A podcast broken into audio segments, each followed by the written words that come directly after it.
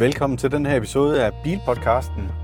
Og i dag, det er en episode, jeg har glædet mig rigtig meget til. Der skal vi snakke om Volvo XC40. Og det er den nye model. Det er altså den, der bliver kaldt for MY24, som står for Model Year 24. Og det vil altså sige, at det er versionen med baghjulstræk. Vi har nemlig fået udgaven, hvor der kun er én motor i. Det vil sige, motoren den ligger ude foran, og om i bag, der har vi træk på baghjulene. Episoden i dag den kommer til at foregå på en lidt anden måde. Jeg er nemlig på vej ud for at hente min makker Preben, som er min gode gamle folkeskolekammerat, som også er lidt af en biltosse, ligesom jeg selv er. Og han bliver så gæstanmelder i Bilpodcasten i dag. Så det glæder jeg mig rigtig meget til, at jeg skal dele den oplevelse med ham. Og det kan godt være, at det er en gut, I kommer til at se mere til her på øh, Bilpodcasten, da øh, vi højst sandsynligt kommer til at være tre fremadrettet. Men øh, hovedsageligt så bliver det selvfølgelig Andreas og jeg, der kører kanalen. Men øh, det kan godt være, at hen over tid, at vi øh, også har præb med i en større og større omfang. Så nu må vi se, hvordan han klarer det i dag. Det bliver jo altid lidt spændende, om øh, det bare flopper fuldstændig, eller om øh, han rent faktisk øh, ved, hvad det er, han taler om. Men øh, jeg glæder mig i hvert fald til oplevelsen, det er helt sikkert. Jeg håber også, at I kommer til at kunne lide episoden i dag, hvor vi snakker om Volvo XC40. Fordi det bliver i hvert fald en episode, som kommer til at dykke et spadestik dybere i den her fremragende bil, som Volvo de har lavet. Men vi vender tilbage til karaktererne i løbet af episoden, som vi plejer, og så må vi se, hvordan at den kommer til at klare sig imod de andre biler, som vi har haft til test igennem tiden. Men nu er jeg så nået frem til destinationen, og I må lige bære lidt over med os, at vi står her i en parkeringskælder, eller parkeringshus nede i Vejle. Og det er simpelthen fordi, at det øs regner derude. Men øh, som I kan se der i baggrunden, så gemmer jeg min øh, lille makker. Og Preben, hvis du prøver at komme herover, så kan man så se størrelsen på Preben. Og han er altså noget større end jeg selv. Så øh, det er min gamle folkeskolekammerat, som jeg talte om på vej op til Preben. Halløj, og øh, vi skal så have anmeldt den her Volvo XC40. skal vi? Og det er noget, som jeg har glædet mig rigtig meget til. Og især fordi det er sammen med dig. Det er jo en sand fornøjelse. Ja, så var det jo lidt noget nyt, jo, når det ligesom passer ind, jo. Og vi har lavet et podcast sammen før, så det er ikke øh, første gang, vi prøver det. Ej, og det der med at snakke, det plejer ikke at være et problem. Det plejer heller ikke at være et problem. Bilen, vi står med her, den starter ved en pris på 417.000, næsten 18.000. Den her har fået en Vapor Grey metallak, og så har den fået et klimasystem indeni, altså Klima Clean, som det hedder. Og den koster så 10.202 kroner ekstra. Men Preben, kan du ikke fortælle lidt om øh, den her livscyklusanalyse, som Volvo har lavet i forbindelse med de biler her? Jo, en god måde at sammenligne, hvor øh, man ligesom kan sige, giver det mening at købe en elbil, giver det mening at købe en benzinbil. Med den her i Danmark, der har den et CO2-aftryk på 27.000 ton i dens livscyklus. Det er, hvis du kan oplade 100% for vindmøller. På verdensplan, der er vi oppe på 54 ton. Så man kan sige, det er alt efter, hvad du kan få rundt om i verden. Ja, det er jo fordi, at når du kører i udlandet, så er den energi, som der kommer på elnettet, den er som regel lavet for kraftværker eller noget andet energi, som sviner noget mere end vindenergi gør. Og derfor så udleder man på den her livscyklus, har man regnet sig frem til, at der er det 54 tons. Ja, og mange steder, der ved vi, der kører de med kul på deres kraftværker. Det er simpelthen den vej, der får det på. Så det er sådan, som det er. En Ja. benzinbil, nøjagtig samme model, den bruger cirka 59 tons i den livscyklus. Man kan så sammenligne og sige, hvornår breaker vi semen på det her.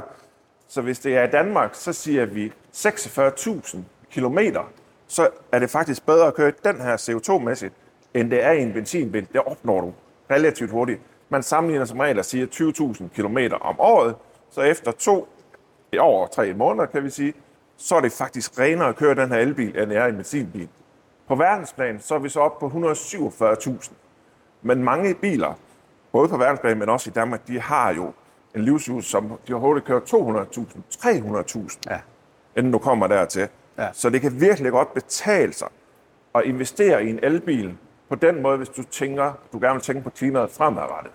Jeg er heller ikke i tvivl om, at over tid, så vil energien også begynde at blive grønnere i udlandet. Ja. Og så, så begynder kilometerne altså ret hurtigt at rykke sig. Fordi der er ingen tvivl om, at det er noget tungere at producere en elbil. Det er også det, der gør, at du skal op og køre de her 47.000 km i Danmark, inden du breaker even. Fordi at den er, den er, den er mere miljøvenlig at lave, når du kun laver den på el, eller slutter på benzin. Ja, og, og så er det jo bare sådan, at øh, ting tager til. Vi ved alle sammen, der sker noget med batterier hele tiden. Ja. Vi ved alle sammen, at kraftværker kommer bedre og bedre frem. De bliver bedre til at producere. Ja. Ikke? Vi ved, at verden er virkelig vild med, at klimaet skal gå den rigtige vej. Så er det simpelthen det, man arbejder på, og det kommer stille og roligt over det hele. Det er jo det. Det er jo det. Men det er jo sådan en, øh, en længere indledning til, øh, til bilpodcasten i dag, hvor vi kommer til at snakke om den her Volvo XC40. Så vil jeg også lige nævne, at sådan som vi plejer at gøre det, og nu finder jeg lige mit papir frem, fordi det er jo ikke til at huske det her, men vi render jo igennem de her 13 forskellige kategorier. Og i forbindelse med det, der starter vi med at komme ind på design, så snakker vi komfort, så snakker vi støj i kabinen, kvalitetsfølelse, køreegenskaber, bygge- og samlekvalitet, udstyr i forhold til prisen, pladsforhold i kabinen, lastevne, påhængsvægt og plads i bagagerum samt frunk. Så skal vi ind på batteri, rækkevidde og forbrug. Vi kigger lidt på opladningen. Vi kigger på garantien. Og så til sidst, så kigger vi, jamen, hvad får man reelt for pengene her? Altså værdi for pengene. Og så runder vi det hele af med en samlet karakter. Skal vi ikke bare se at komme i gang på den? Jo, lad os springe ud i det fra starten af og sige, hvad er det for noget design, vi har gang i her? Jamen, vi er nu rykket om på siden af bilen og skal til at snakke om designen på den her Volvo XC40. Og det er vel det, man kan kalde for et klassisk Volvo-design. Altså, det er jo Volvo, som man kender dem tilbage fra deres Haymaker dage med XC90, XC60 og XC40. Den har de bare videreført. De har forfinet designet, så man kan sige, der er kommet lidt mere rene linjer. De har gjort lidt mere ud af designet, fordi man kan lave nogle andre ting på fronten, for eksempel, som du ikke kan med en benzinbil. Ja, og, og noget andet, som man også skal lægge mærke til, det er, at det vi står her med, altså en XC-model fra Volvo, er jo deres hævede biler, altså det er deres crossover-biler, og det her, det er så en SUV-crossover. Det er jo sådan lidt en kompakt model. Den er øh, 4 meter og 44 lang, selve bilen. Så er den 2 meter og 3 cm bred med spejlene, og så er den en meter og 65 høj, så det er en relativt høj bil. Det betyder altså også, at når du kører, så får du ret meget vindmodstand ind på fronten. Og det kan mærkes i energiforbruget på bilen, især når det blæser. Ja, og og når man så øh, går tilbage, jeg kom lige til at tænke på Lamborghini, de var over to meter brede i fortiden, det var voldsomt. I dag så er det bare normen, og især for elbiler, især på SUV'er, der, der skal bare noget mere bredde til, for at simpelthen kan inkludere det her batteri, og hvad der ellers ikke skal være, for at gøre ordentlige pladsforhold i kabinen. Ja. Men ellers så kan man sige, at selve bilen, den er jo lavet så, den, den kommer i den her Vapor Grey, som vi står med, men så har den et tag, som er sort, som kører med ned herhen ved C-stolpen hen i bag, og så har den også ydermere en relativt stor spoiler ud over bagruden. Det, man kender fra Volvo, det er øh, dens, øh, dens lygter, vil jeg nærmest sige. Det er sådan ja. lidt indbegrebet af Volvo. Vi har Thors hammerlygterne hen foran, og så har vi bagtil også de her lygter, som går ned og kører med ud på siden. Det ser altså virkelig godt ud. Jeg, jeg er ret vild med det design. Prøv lige at klippe lidt video ind her, så man kan se, hvordan det ser ud. Ja, der kan man virkelig sige, der er det gået tilbage til rødderne med de her virkelig lange, der kører hele vejen op af bagruden, og det, det, det ser bare super godt ud, altså. Det gør det. Det gør det. Men øh, Preben, i forhold til design, så synes jeg ikke, vi skal trække den længere. Så lad os øh, komme frem til karaktererne. Og vil du afsløre den? Karakteren, den bliver 7. Det er et højere design, det er et premium design, så 7 er en korrekt karakter. Det synes vi i hvert fald. Synes vi jo. Ja. Det er jo... Det er jo øh, Det, det er klart, hvis du ikke er Volvo-mand, så, øh, så kan du højst sandsynligt ikke lide det design, fordi det er så klassisk Volvo. Vi kan jo bare godt lide Volvo. Ja, Altså, Altså, det, Volvo er skandinavisk, og det er noget, som øh, jeg er vokset op med. Jeg har aldrig selv haft en Volvo eller det. Men designet har bare været klassisk. Du har altid haft fornemmelsen af, at her kommer noget specielt. ja, eller, eller premium. Premium. Du er slet ikke i tvivl om, når Nej. du ser en Volvo, ligesom du heller ikke er i tvivl, når du ser en BMW.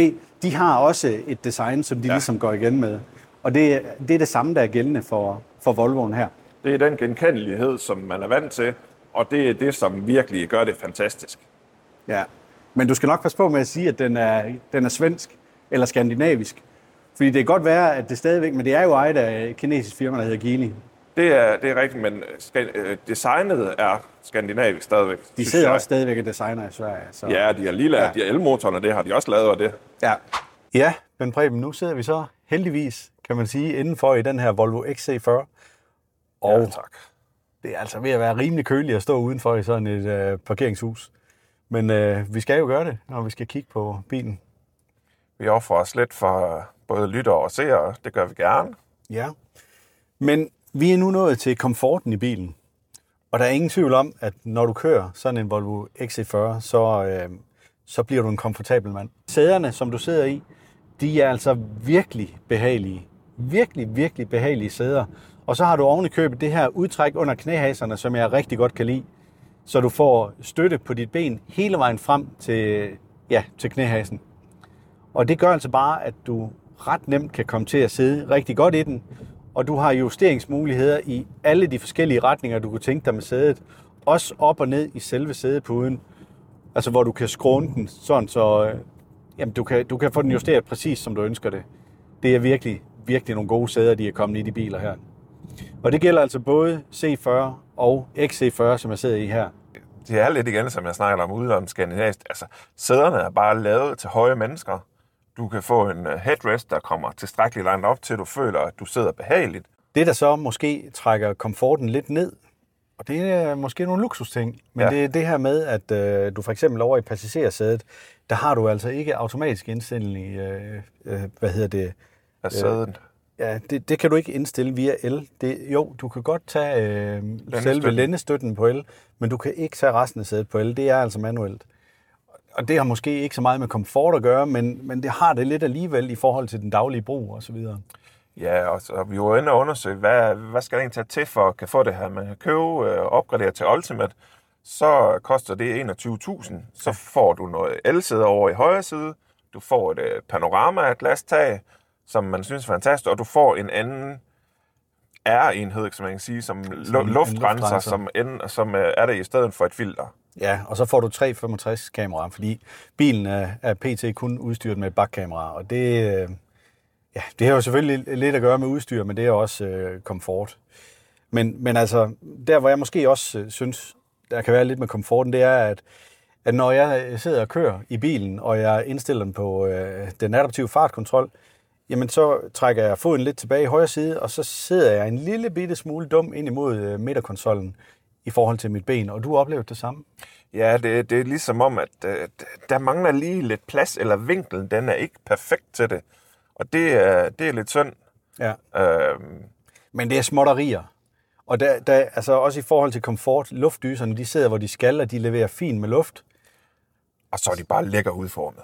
Ja, det er de. Men det, det kommer vi, Kommer øh, vi ind på kommer vi senere. ind på senere i forhold til kvalitet af, ja. af bilen. Men øh, karakteren, den afslører jeg den her gang. Det gør du. Og der ligger vi på 7,5 for komfort. Og det er altså en bil, der bare er... Jamen, der er rigtig meget komfort i den. Det vi måske glemte at sige, og det hører måske også lidt til køredynamikken, det er, at den, selve undervognen, den er også komfortabel. Den er, den er relativt blød, og det vil sige, at den klarer vejbump og alt muligt andet, ja, uden at du mærker det overhovedet. Ja, det er, det er ikke som at køre på et flyvende tæppe. Det vil være sådan, der er nogen, der gør det bedre. Men det, det er virkelig komfortabelt. Du mærker ikke de der ruflede veje på samme måde. Du oplever ikke bummene på samme måde. Det er nemmere at komme igennem og komme over. Det, det er bare lækkert at sidde i. Altså jeg vil sige, jeg er relativt tæt på, komfortmæssigt, på... Øhm, jamen jeg synes faktisk, den er lige så komfortabel som den Audi Q8, som vi havde, der havde luft øh, undervogn. Og øh, den skulle jo ellers være øh, noget nær toppen af poppen, når, når du først bedste, laver en ja. undervogn, der, der har den funktion. Ja. Men øh, den gør det altså godt, den her XC40. Det gør den virkelig. Der, der har de igen taget fat i det, som de er kendt for. Komfort, gode langtursegenskaber, gode sæder. Især sæderne. Sæderne er ja. vildt fantastisk. Om Ja. du er en øh, 92, som jeg er, eller en 77, som Jakob praler af. Præcis. Men grunden til, at vi heller ikke kan komme helt op på en øh, topkarakter i forbindelse med komforten i bilen, det er fordi, at der ikke er for eksempel massage i sæderne, og du har heller ikke køl i sæderne, og det har man i nogle andre biler, også i den her prisklasse. Ja, nu er vi nået til støj i kabinen, og jeg har hoppet om i bag.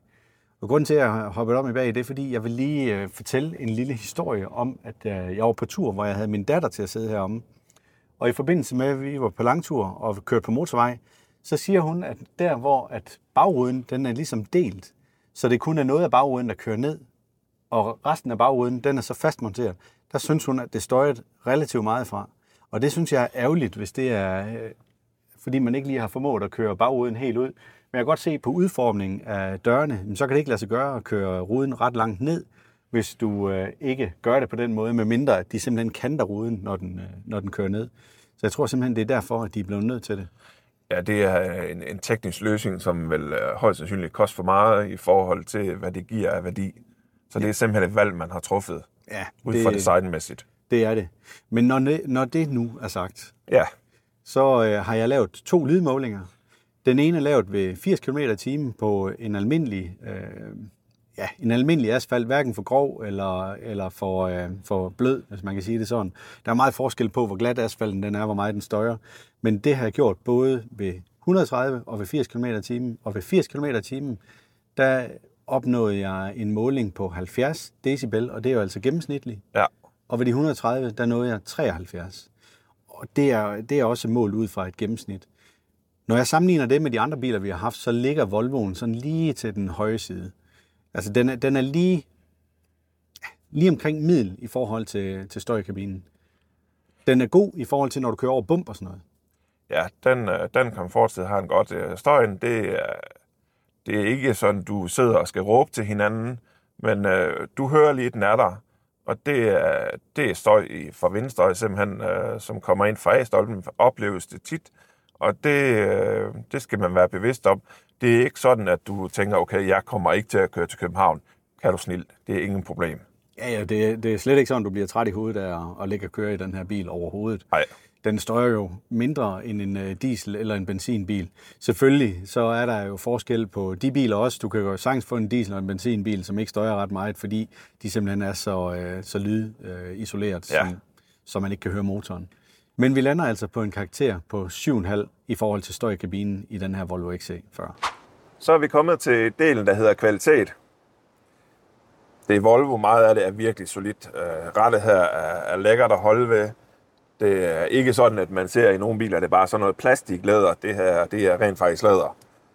Kontakterne virker upåklageligt, det samme med stillingerne. Så her ovenpå, så er det altså lækkert, at det er blødt, så man ikke sidder, hvis man bruger sin karm i armen, som vi kalder det. At man ikke sidder på en plastplade, der bare siger ondt. Den Ah, vi siger vel ikke karm i armen, vi siger vel armen i karmen. Ja, det er rigtigt, armen karmen. Til gengæld, hvis man øh, er lidt mindre, så kommer der altså lige lidt der. Der er noget øh, plastik her, som også er på siden, som også det, der gør, at man føler lidt, når du sidder og kører, at du godt kan føle, måske det kører lidt ind i benene, men det er en sædestilling, som, hvor der er plads til at justere. Jeg kan personligt ikke lide Perianolak, fordi det suger bare fedt fingre til sig, lige så ja, det, man kan se, at jeg har bare lige lavet et enkelt tryk der, så kan man se, så er der bare fingeraftryk, og det skal tørres af konstant. Instrumentbordet, det er lidt det samme. Der er nogle bløde materialer, det er rart, det er rart. Og så kommer man lige ned og skal have fat i det her, så begynder det at blive plastik igen. Hvorfor ikke lige give det sidste for simpelthen og kan trække det ud? Det er fint, det er plastikkernen, men herude, det har set godt ud at lige har givet det noget af det her bløde som de har gjort, som de har gjort meget godt i. Lækker design, detalje, kvalitet. De her luftdyser, det er bare lækkert at røre ved. Man er ikke i tvivl om, hvornår de er tændt, hvornår de er slukket midt i. Det er fantastisk godt lavet. En sjov detalje, som de har her, ser man, det er simpelthen øh, vejnet i Jødeborg. Det fortsætter ud på forsæderne og er Ah, ikke på forsæderne, men ikke på fordørene. fordørene, ja. Som er en vild lækker detalje. De har i dørene, som man kan se over på passagersiden, der har du sådan noget tæppefilt, og det er altså virkelig godt til at dæmpe lyden. Det er vildt lækkert. Hvor man så igen går ned i bunden, jamen, så har vi igen hård plast. Det er lidt som om, at man, øh, man har sagt, at vi giver nogle goder, og vi tager nogle ting fra for simpelthen at få budgettet til at passe i forhold til, hvad bilen øh, den skal koste. Ja, men Preben, vil du ikke lige prøve at hoppe om på bagsædet? Fordi at du er jo øh, en meter og 92, så kan vi godt nok snakke lidt pladsforhold her samtidig med. Men øh, nu er det kvaliteten, vi snakker om. Jeg kunne godt tænke mig at se, om du kan være der. Yes!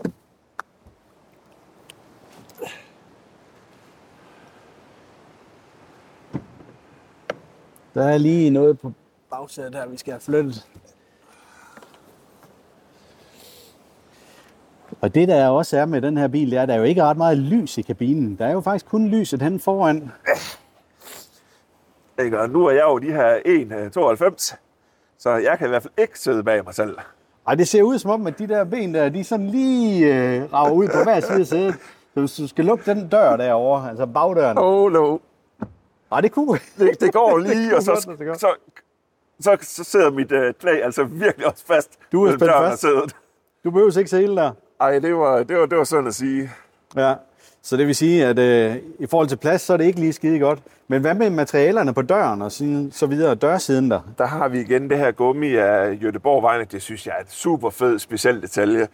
Det var noget, som andre biler godt kunne øh, eventuelt tage med. Det er jo sådan lidt historiefortællingen, der kommer ind der også, ikke? Ja, man husker, at der er nogle svenske traditioner, ikke? Vi har det her bløde øh, plastiklæder, kald det hvad I vil, her ovenpå. Og så kommer vi ned og siger her på selve armresten, jamen, det er også blødt. Det er lækkert, det er lækkert at være til. Og så har de valgt igen det her stof, som er vildt lækkert til at dæmpe lyden. Og så igen det her hårde plads nede i bunden. Det er synd, man ikke lige har taget det fra toppen af og taget med ned. Fordi det virker som kram ellers. Når man lukker tingene, så, så, så lukker det bare til, og det lyder godt. Det ser godt ud. Du er ikke i tvivl om, når døren er lukket. Nu åbner man døren. Prøv jeg lige. Jeg prøver lige at lukke herover, så man også kan høre det lidt tættere på mikrofonen. Det, det opleves ligesom, at det er et pengeskab, du får lukket, og du kommer ind i din egen verden. Det er virkelig godt lavet. Men Preben, hvad skal, hvad skal sådan en pengeskab have i karakter i forhold til kvaliteten? Ja, og det er lidt op, og der er lidt ned, men der er altså flest plusser. Så derfor er vi endt på syv. Så er vi kommet ud i bilen og kører, Preben, og vi skal til at snakke lidt om køreegenskaberne på Volvo. Ja, Jeg har smugtrænet en lille bitte smule og øh, snakket en lille bitte smule om det allerede, men jeg kunne godt tænke mig at høre, hvad tænker du om køreegenskaberne? Jeg synes, køreegenskaberne de er lækre. Det er virkelig, som vi har snakket om, det er komfort, der er fokus i den, og det har de virkelig øh, prioriteret. Det gør, at øh, når du kommer ind i en rundkørsel, og du tænker, at jeg skal lige trække ud af den, så kan den altså godt lige smide lidt med bagenden, og den kan godt lige vikle lidt. Der kan man godt mærke, at der er noget væk bagved. Men ellers så føles den sikker at køre i, man føles tryg i den, og det er, øh, det er Volvo dyder, altså. Det er det, de har praktiseret. Jamen det er rigtigt. Altså man føler virkelig en eller anden form for tryghed, når du kører rundt i den bil her, fordi det spiller bare. Altså Ja. det, du, er, du er slet ikke i tvivl om, hvor du har bilen henne. Nu siger du godt nok, at den kan vikle lidt, men det er jo, hvis du har en rigtig tung højrefod i forbindelse med, det er vådt, og du kører ud af et sving, så vil den godt lige kunne flytte lidt med bagenden, men så griber de her, øh, den her traction control, den griber jo bagenden med det samme, så du, du har slet ikke noget problem. Øhm, det synes jeg virkelig ikke er et problem i bilen. Nej, Det jeg øh, kommer til at klippe ind her, det er, at vi skal også lige have lavet en accelerationstest. Og øhm, vi har ikke været ude og lave en test eller en måling af den endnu, men Volvo oplyser, at bilen den kan køre fra 0 til 100 på 7,3 sekunder. Og så har den en topfart på 180 km i timen. Og det er jo rigeligt. Altså 180 km i timen i den her, så ryger batteriet der bare lige sådan der.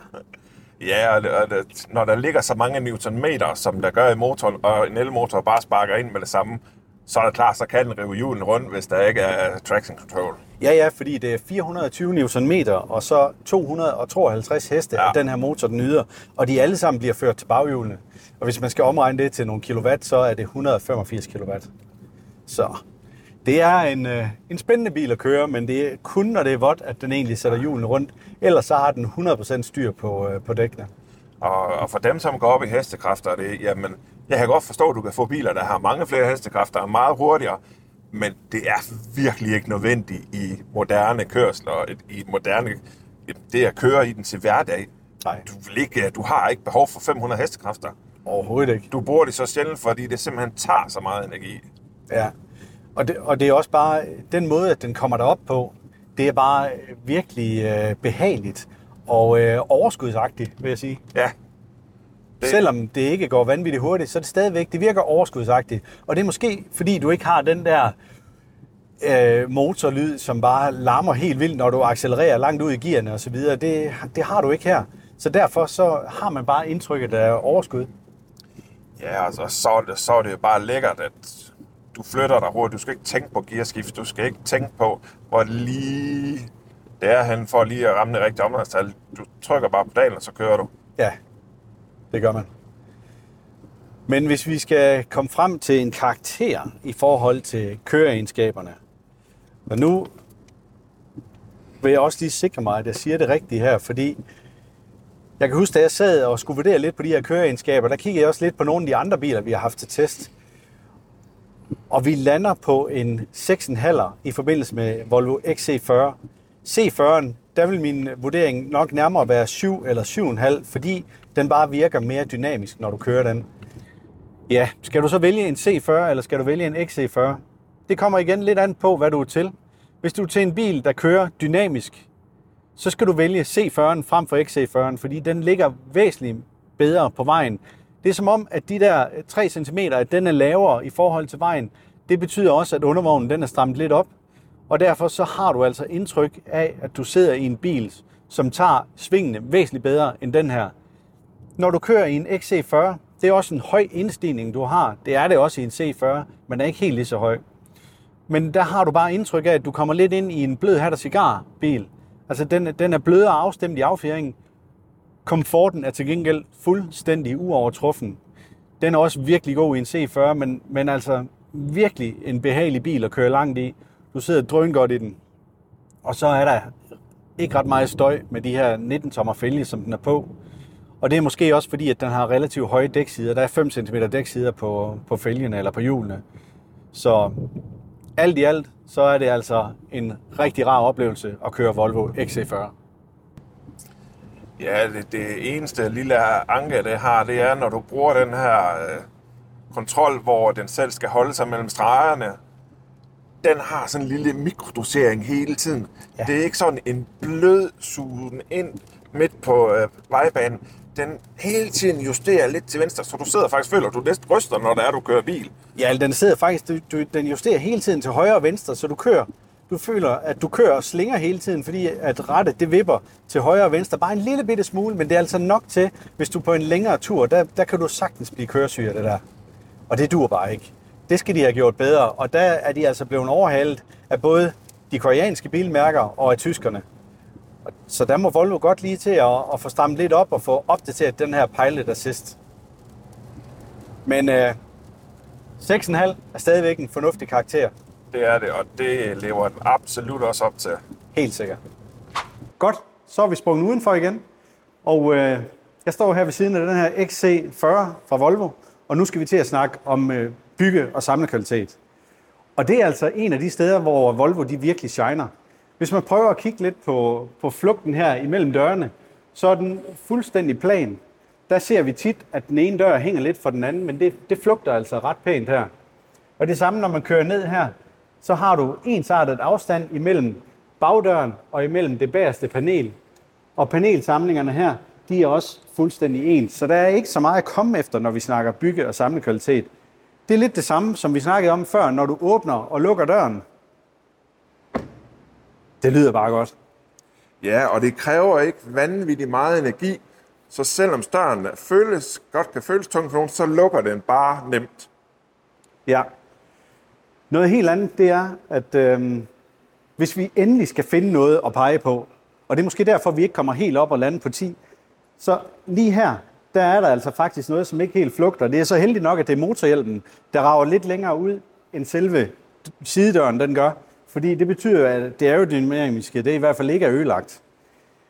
Men ellers, når man så kigger videre rundt på bilen, men så, så er der bare ikke noget, øh, der hænger eller dingler. Eller, og, og, og når man kører hen over en øh, brostensbelægning osv., der er ingenting, der skrumler og skramler inde i bilen.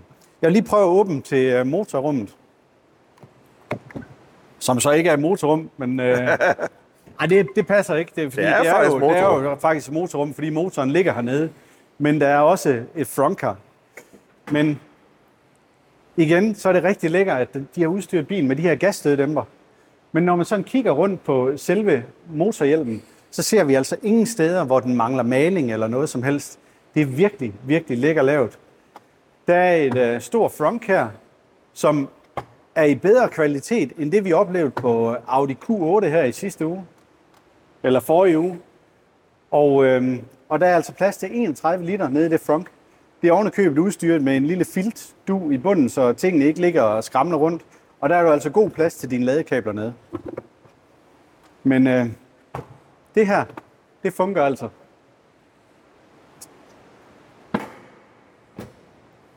Og den lukker første gang med et øh, relativt blidt tryk, når du trykker på den. Det er ikke ligesom den Hyundai Ioniq, som var forkert indjusteret, hvor vi simpelthen nærmest ikke kunne lukke motorhjelmen. Men alt i alt, så når vi altså op på en karakter for kvaliteten i forbindelse med den her Volvo XC40 på 9,0. Nå, men Preben, nu er vi rykket indenfor i Volvo XC40, og det vi skal til at snakke om nu, det er udstyr til prisen. Ja, og den har mange af standardfeaturene, som man forventer, men som øh, bare kører. Den har den her adaptiv fartpilot. Den hjælper selv til at tage farten af, hvis du kører på motorvejen for eksempel, og du kommer op bag en, så tager den selv automatisk farten ned, så du ikke kører op i personen. Det er faktisk utrolig rart. Det er utrolig rart, og det fungerer super nemt. Du blinker bare ud for at dreje til den vejbane, du skal. Så kører du derud, og så accelererer den automatisk selv op til den fart, du har sat det. Ja. En gang, lækkert. en gang imellem kan man måske godt synes, at den accelererer lidt for langsomt op, når den trækker ud. Ja, Så, men, men bortset fra det, så fungerer det faktisk rigtig godt. Det gør det. De har de her lækre, lækre Torshammer LED-forlygter. Ja, som, som spiller max. Ja, og det giver god lys, der er selv øh, op- og nedblanding, kører automatisk. Den har det her øh, Android Automotive, som sidder som styresystem derinde. Det er nemt, det er hurtigt, når du trykker på, på, på tasterne, eller hvad du på skærmen, kan man sige, og den går nemt mellem de forskellige programmer. Upåklageligt. Der er ingen lag ved det, og du har øh, muligheden for at installere flere forskellige programmer inde i, øh, i hvad hedder det, Play Butik, som er Googles øh, shop, ligesom der er en, en hvad hedder det, iPhone Store eller, eller Apple Store. Øhm, en anden ting, der måske også kan siges, det er, at selvom skærmen ikke er ret stor, så øh, har du, fordi du har det her styresystem i bilen, mulighed for for eksempel at se YouTube på skærmen. Og det er meget rart, når man sidder og lader. Men øh, ladetider og så videre, det kommer vi ind på senere. Ja. Den har, Ellers så har den jo faktisk alt det almindelige udstyr, som, øh, som man forventer af en bil i den her prisklasse. Og så har den den her lækre one pedal drive. Du kører faktisk, du kan faktisk køre bilen med speederen kun, når selvfølgelig automatisk, når du trykker ned, jamen, så går den op i fart. Men lige så snart du løf- løfter af pedalen, så begynder den faktisk at bremse selv, og det gør den blidt til at starte med, og så bremser den mere og mere for at komme helt til stillstand, hvis du ikke stopper den inden. Ja. Det er vildt lækkert. Man, man skal bare lige prøve det på gang. Det er så intuitivt. ja. Det var første gang, du kørte med det, og der gik ikke øh, enten fem minutter, så Ej. synes du, det var rart at køre med. Det er, det er helt fantastisk, og det er nemt at sidde og slappe af med, og det kører bare der af, når det er. Jamen, jeg synes også, at det, det fungerer rigtig godt. Og, og det er, altså, der er mange elbiler, hvor du har regenerativ bremsning. Og øh, regenerativ bremsning, det må man ikke forbinde med one pedal drive, fordi det betyder egentlig bare, at bilen den bremser ned, og det kan du jo som regel justere i mellem 1 og 4 niveauer, eller 1 og 3 niveauer. Det er forskelligt fra bil til bil. Men det betyder egentlig bare, at den bremser automatisk, men den kommer ikke ned til 0. Det gør den, når det er one pedal drive, og det er det, der er rigtig fedt ved den her. Men nu har vi snakket om mange af de gode ting, og meget af det udstyr, som bilen den har. Der er altså også meget udstyr, som den ikke har, som du kan få i andre bilmærker til samme pris, eller endda billigere. Blandt andet øh, 365-kameraer. Hvis du skal have det, så skal du op og købe Ultimate-versionen, og det koster 21.000 kroner ekstra. Men så får du også panoramatag, og du får et elindstillet sæde herover på passagersædet, hvor jeg sidder lige nu. Det den heller ikke har, den har ikke dobbeltzonet klimaanlæg. Det er ens for hele bilen. Du kan ikke øh, justere noget bagpå. Der er slet ingenting. Nej, nej der er en det, det, det er forkert. Den har faktisk øh, øh, indstillelig klimaanlæg mm. i hver side. Den har bare ikke for og bag, så den har to zone klimaanlæg. Den har to zone klimaanlæg. Ja. Men det havde du ikke set inde i menuen. Det har jeg ikke vist dig. Så det er, der, der er du svar. Altså, der må jeg være der. Den, øh, den sælger jeg på ham så. Det er Ja. ja. simpelthen ham, der lavede en fejler. det, det, må være min skyld, du ikke har opdaget det. Det er helt okay. Men, det, men bagtil der er luftlyser i bunden, så der kommer frisk luft derom, så det er til at sidde derom og ikke have et problem med, når du skal køre nogle steder.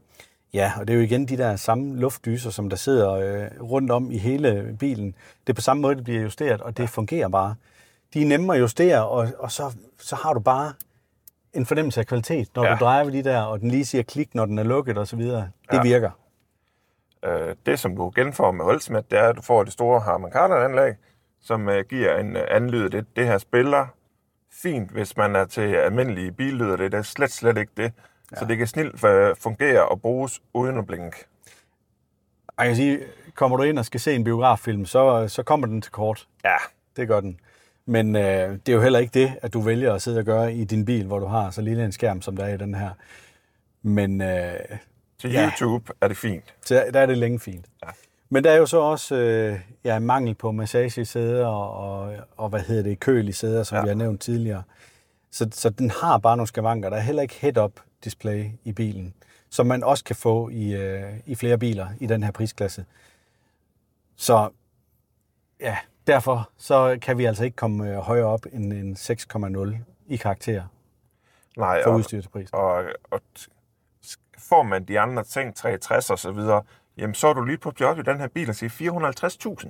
Ja, Det er altså også rigtig mange penge, hvor mange af konkurrenterne, de er på et helt andet niveau til den pris. Altså, det kan ikke... Øh, jeg vil sige, det er godt givet ud at give 21.000 ja. For de ting, at du får der. Det, øh, det vil jeg helt klart overveje.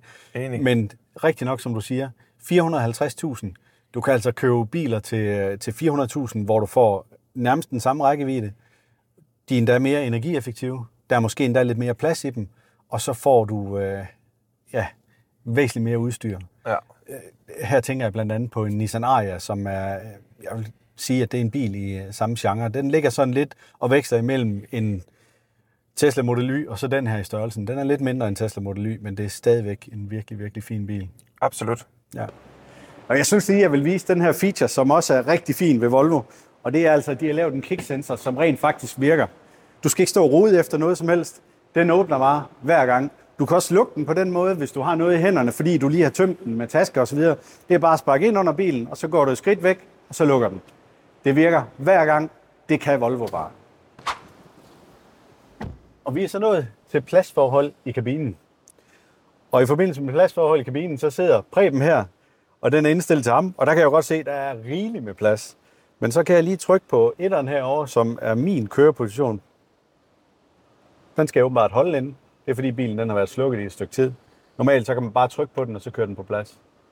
Jeg kan godt lide at sidde højt, så, øh, så derfor så kørte sædet en del op. Det er nok også lidt at gøre med, at, at, du, øh, at du er noget højere end mig. Men igen, rettet kan jo også justeres i alle retninger osv., så, videre, så der, der er, er gode forhold til at komme til at sidde ordentligt der. Men når jeg sidder, som jeg kører nu her, så øh, det her med armen i karmen, det er igen svært at øh, komme til, fordi at der, den, den er så høj, den her side på fordøren, så det føles ikke så, så rart. Men i forhold til pladsen, så er der altså god plads her på forsædet. Og vi snakker om det tidligere. Begge personer kan have armen her på øh, midterarmlænet. Det er også rigtig rart. Men nu vil jeg lige prøve at hoppe om bag ved mig selv, så I kan se, hvordan det ser ud. Vi prøvede det tidligere med Preben, og det gik ikke på 1,92 meter. Men når man er 1,77, så er forholdene helt anderledes.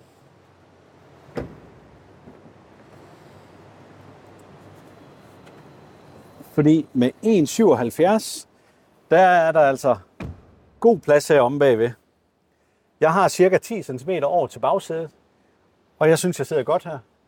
Så det er overhovedet ikke noget problem i forhold til min højde. Der er jo også langt op til øh, taget her, og det var der også ved Preben, selvom han er 1,92. Han kan bare ikke være der med benene. Så, så man kunne godt bruge lidt mere akselafstand.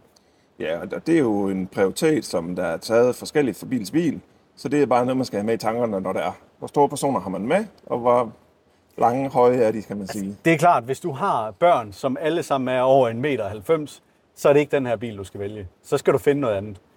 Men øh, alt i alt, så når vi altså frem til en karakter på 6,5.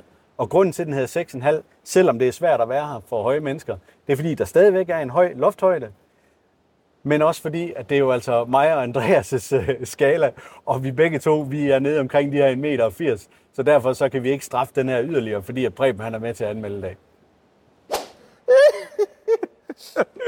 Åh, oh. Oh, ja. Nå, Preben, vi står jo her og prøver på at bevise, hvor meget plads der er i bagagerummet. Og der plejer mig og Andreas at kravle i bagagerummet. Så jeg har selvfølgelig sendt den største af os to i bagagerummet. Og det er dig. Ja. Kan du fortælle lidt om, hvor meget plads, at der er i bagagerummet på sådan en Volvo XC40? Altså, lad os starte med at sige, at der er ikke plads til en. Nej. Men der er jo mulighed for anhængertræk, og der må du have 1500 kilo med påhængsbremse. Du må have 750 kilo uden påhængsbremse. Der må være 100 kilo på kugletrykket, og så må der være 75 kilo på taget. Yes. Det er ganske pænt. I bagagerummet her, som øh, vi så kan se, er ikke plads til en præben i min størrelse, men 452 liter kan der være her, og et frunk på 31 liter. Det her er fuldt øh, regulært, så det er nemt at bruge, og du har en øh, lille... Hopper jeg lige ud for at vise det. Det har en smart feature her, så man kan simpelthen løfte den op og gøre brug af den her, så du kan få den sat i hak, simpelthen. Så har du tre poseholder her. Du har et lille ekstra rum. Det er simpelthen genialt lavet, at man lige har lavet, så der er til poser. Ja, og hvis du lige løfter den op, så man kan kigge ind under den holder der, som der er, så kan man se, at der er rent faktisk plads til noget under dækslet der, også når det er lukket. Ja, så snakker vi om noget nyttelaster her. Bil med kører. En kører er vurderet til 75 kilo. Det er ikke Det er sådan en europæisk standard, det er ikke præcis Ja. Nej, der, der var den 2075 kilo, og optimalt med nyttelaste, der må der være 2520 kilo. Ja, det er korrekt. Så det er en fuld brugbar bil, fuld brugbar bagagerum. Man skal bare lige øh, pakke det, så det passer. Den har nogle smarte features, og bilen, den, øh, den kører ud af. Ja, så karakteren alt i alt for nyttelasten, den ender på 8,0. Og det synes jeg egentlig er ret flot for en bil i den størrelse der. Nu er vi så rykket udenfor igen og står her bag ved bilen, og vi skal til at snakke lidt om batteri, rækkevidde og forbrug. Og det er det, at vi har snakket om tidligere i videoen, at der kan den måske godt have en udfordring. Fordi den er jo altså formet lidt som en Lego-klods, der prøver at køre imod modvind. Og det går bare ikke særlig godt, hvis man gerne vil nå langt i forhold til, hvor meget strøm man bruger. Nej, og lad os starte med at sige, du skal ikke have rækkevidde angst. Du kan godt komme nogle steder. Men den her, den er officielt sat til 571 km på WLTP-formen. Vi har så målt lidt mindre her. Det har været cirka 75 procent på motorvej i 8-12 graders varme. Der har været en smule regn, som også har en effekt, believe it or not. Og så har der været rimelig stærk modvind. Der har han kørt 360 km. Det, det må man bare sige, det er altså langt under i forhold til, hvad man forventer. Også selvom der er regn. Også selvom der er modvind. Det er, det er faktisk kun 63 procent af, hvad den egentlig er opgivet til. Og det synes jeg ikke er godt nok. Det er, det er simpelthen for lidt, fordi man har en garanti på bilen, som vi kommer til, som dækker op til en, som dækker op til 70% af batteriets tilstand efter 8 år. Ja.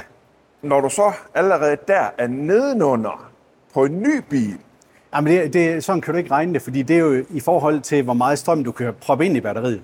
Det ved jeg Så, godt. så det, den, den måde, hvor vi ikke begynder at sammenligne det på. Vi kan ikke, det, du kan ikke sammen på den måde, men du tager en real world test, hvor du siger, at du er under, og siger, at dit forbrug er så langt fra det, det skal være. Der kan være en udfordring med den der WLTP-norm, men den er meget bedre end den gamle norm. Så hvad det angår, så er det trods alt bedre. I gamle dage, der var de jo så glade for, at der satte de tape over alle lister, og virkelig gjorde det til. I dag, I dag er du trods alt ude at køre i bilen, Ja. ja. så det giver en lidt mere realistisk. Men den, Ja. ja. den, det er en Lego-klods, som Jacob siger, og du kommer altså ikke nær så langt, som du har forventet. Den er god til at vise rækkevidden ja. derinde, og den er god til at passe. Ja, fordi rækkevidden den er jo rent faktisk øh, justeret efter, hvordan du kører bilen normalt, og den bliver også justeret i forhold til, hvor langt du skal. For eksempel, når du taster noget ind på øh, navigationssystemet, så kan du øh, få at vide, hvor meget strøm du har tilbage, når du når frem, og så foreslår den også selv, hvis du skal ind og lade. Det synes jeg er rigtig smart. Det glemte vi lige at omtale, da vi snakker om udstyr i bilen, fordi det er en af de features, der faktisk fungerer rigtig godt i det her. Og det er også Google Maps, den bruger, så det er relativt opdateret. Jeg vil sige, der, der er nogle ladestationer, som den ikke kender endnu, og det er altså lidt ærgerligt. Men når det så er sagt, så det her er jo en bil, som skal kunne køre de her 571 km, og det kunne den bare overhovedet ikke. Og det synes jeg er ærgerligt. Størrelsen på batteriet i sådan en Volvo XC40, den er 72. Nej, nu sagde jeg 72. Det var da ufatteligt, mand. Den fejl har jeg lige lavet før, så det gjorde jeg så en gang til. Det var da utroligt. Størrelsen på batteriet på sådan en Volvo XC40, den er 82 kW, og det er brutto. Og når vi så snakker netto, det er altså at sige, den mængde batteri, at du har til rådighed, når du skal køre, der har du 79 kW. Så det er altså 3 kW mindre. Men i forhold til den størrelse batteri, så synes jeg simpelthen, at det er for dårligt, at den, øh, at den ikke når længere. Ja, Det må jeg bare sige. Men det er selvfølgelig noget med formen at gøre, og det er jo altså en meget, meget praktisk bil, også i forhold til formen. Det vil sige, at du kan fylde ret meget i herhen i bag. Men fronten, den kunne man måske godt have lavet lidt mere aerodynamisk, og det er altså det, der straffer den. Når at vi har lavet den her test, så oplyser de os egentlig, at bilen den skal kunne køre 17,9 øh, altså den skal, den skal bruge 17,9 kW per 100 km. Men i forbindelse med min test, der var jeg helt oppe på 22,75 kW per 100 km. Og det er altså bare ikke godt nok. Nej, og det er jo rigtig synd, for som vi snakkede om tidligere testen, komforten er lækker i den. Den er lækker at køre i, den er lækker at køre langt i. Så havde den været op på toppen med deres forbrug, så havde det virkelig givet en god sammenlagt karakter. Det er jo det. Det er jo det. Og nu står jeg lige og kigger på vores karakterskala her, for jeg skal være sikker på, at jeg ikke kommer til at sige noget forkert i forhold til det her. Men vi har altså valgt at give den 5,5. Preben, nu skal vi til at snakke opladning. Og i forbindelse med opladning, så sidder ladeporten heromme i bagenden af bilen, over i førersiden. Og øh, den er desværre lavet med sådan en øh, gummiprop, som jeg har det lidt stramt med, fordi der er ikke nogen holder eller noget til den. Så du kan ikke, du kan mase den ind der. Det har jeg selvfølgelig ikke prøvet før, men det er ikke meningen, at man skal det. Ej. Så normalt så kommer den til at hænge ned i din lak, og det synes jeg bare er ærgerligt. Det, der så er rart ved den ladeport, at lige netop den her bilen har, det er, at du har en knap, som kan udløse kabel. Så du skal ikke til at rode med et eller andet på din telefon, eller ind i bilen og gøre et eller andet, eller gøre noget med nøglen. Du kan bare trykke der, og så kan du få kablet ud. Ja, og det er jo sjovt, når vi igen tager design med, det er lidt underligt, at man ikke lige har sat en holder til den eller et eller andet. Det er der på andre biler, men øh, det er altså åbenbart øh, røgen forbi designerne på Volvo XC40. må man sige. Ladetid på sådan en her, for vores måling, den har taget 37 minutter, 31 sekunder, for at gå fra 12 til 75. Og det er lidt i forhold til, at de lover, at den skal kunne klare det på 28 minutter. Ja, så den er lidt bagefter. Ja. Igen, det kommer også an på, hvad lader du kommer til. Vi har haft en gennemsnit på 76 kWh i opladning, så nogle de kan tage 1.500 for eksempel. Det er der så ikke leveret på den her. Nej, altså man kan også sige, den her, den skal kunne klare peak belastning eller peak opladningshastigheden. Den er 205 kW i timen. Ja. Og, og det er vi bare slet ikke nået op i nærheden af. Og jeg holdt på en 300 kW lader, så den burde egentlig at kunne gøre det.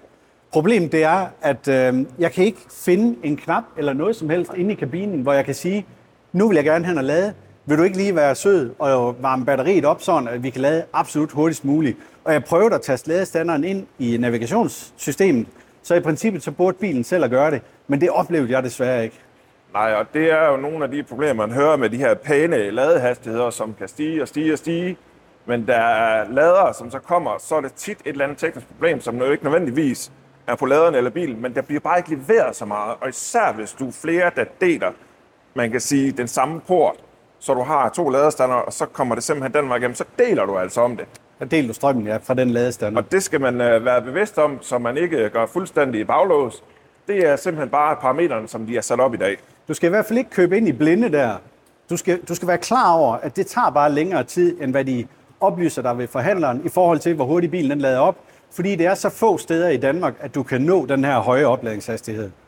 Men når det så er sagt, hvis du oplader derhjemme, så kan du altså lade den her bil op på 8 timer og 30 minutter på en 11 kW lader. Og den er ikke udstyret med 22 kW, det er kun 11 kW, den kan lade med derhjemme.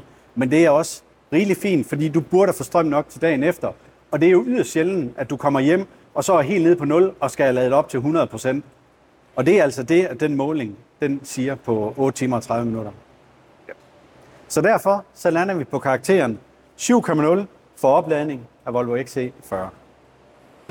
Vi er nu nået til en af de sidste punkter i forbindelse med vores test af Volvo XC40. Og det vi kommer til at snakke om her, det er garantien. Og garantien på den bil her, den kommer med to års garanti eller ubegrænsede kilometer. Ubegrænsede kilometer, det er egentlig, det er egentlig ret fint. Ja, det er det ser man ikke for mange biler. Men to år, det er altså lige i underkanten. Ja, det er også, øh, hvis man skal prale FDM, så plejer de at sige tre år som minimum, før det er nogenlunde acceptabelt. Den her, den har så også en garanti på lakken. Gælder to år igen. Er heller ikke prangende. Det er som regel ikke de fleste, der kører meget mere end de her 20.000 om året. 40.000 kilometer. Altså, vi ser bare væsentligt længere lagt garantier Ja. ja. fra andre producenter, så det Ja. er altså lige i underkanten. Den har selvfølgelig en garanti på batteriet. Det er 8 år eller 160.000 af, hvad der skulle komme først. Men husk nu lige, det gælder altså kun til, at der stadigvæk skulle være 70% af batterikapaciteten. Så du kan ikke forvente efter 8 år, at den stadigvæk kan lade op til 100%, fordi den taber noget. Men det er til 70%, og det er det, de godtager. Ja. Så det vil sige, hvis du kommer ind til en FDM-teststation og får testet bilen, inden der er gået de her 8 år, og det viser sig, at den kun kan komme 69% på af den strøm, den oprindeligt kunne komme på, jamen så bliver du dækket af garantien, og så skal dit batteri enten laves eller udskiftes. Ja. Og det er det, det betyder. Du sagde lige før, at der var to år på lakken. Det er altså for afblejninger og misfarvninger af lakken, fordi der er 12 år på gennemtagninger. Ja. Så det er egentlig okay.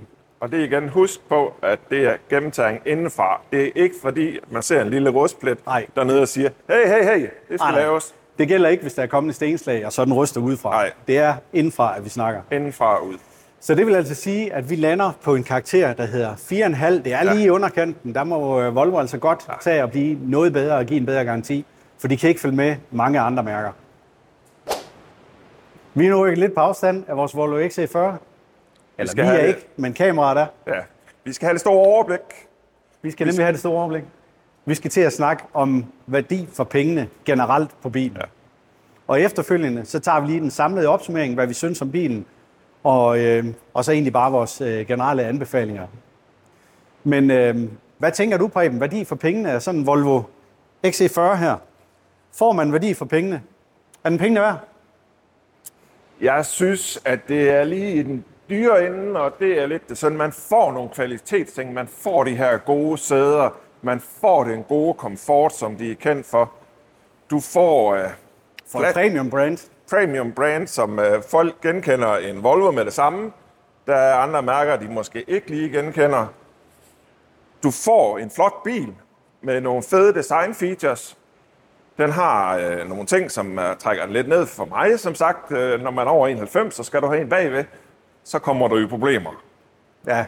Der var heller ikke plads til dig i bagagerummet. Det synes jeg måske også var lidt ringe. Ja, det, det er helt ærligt. Skal du af med et øh, lige, også, så er du nødt til at lige at få en større model.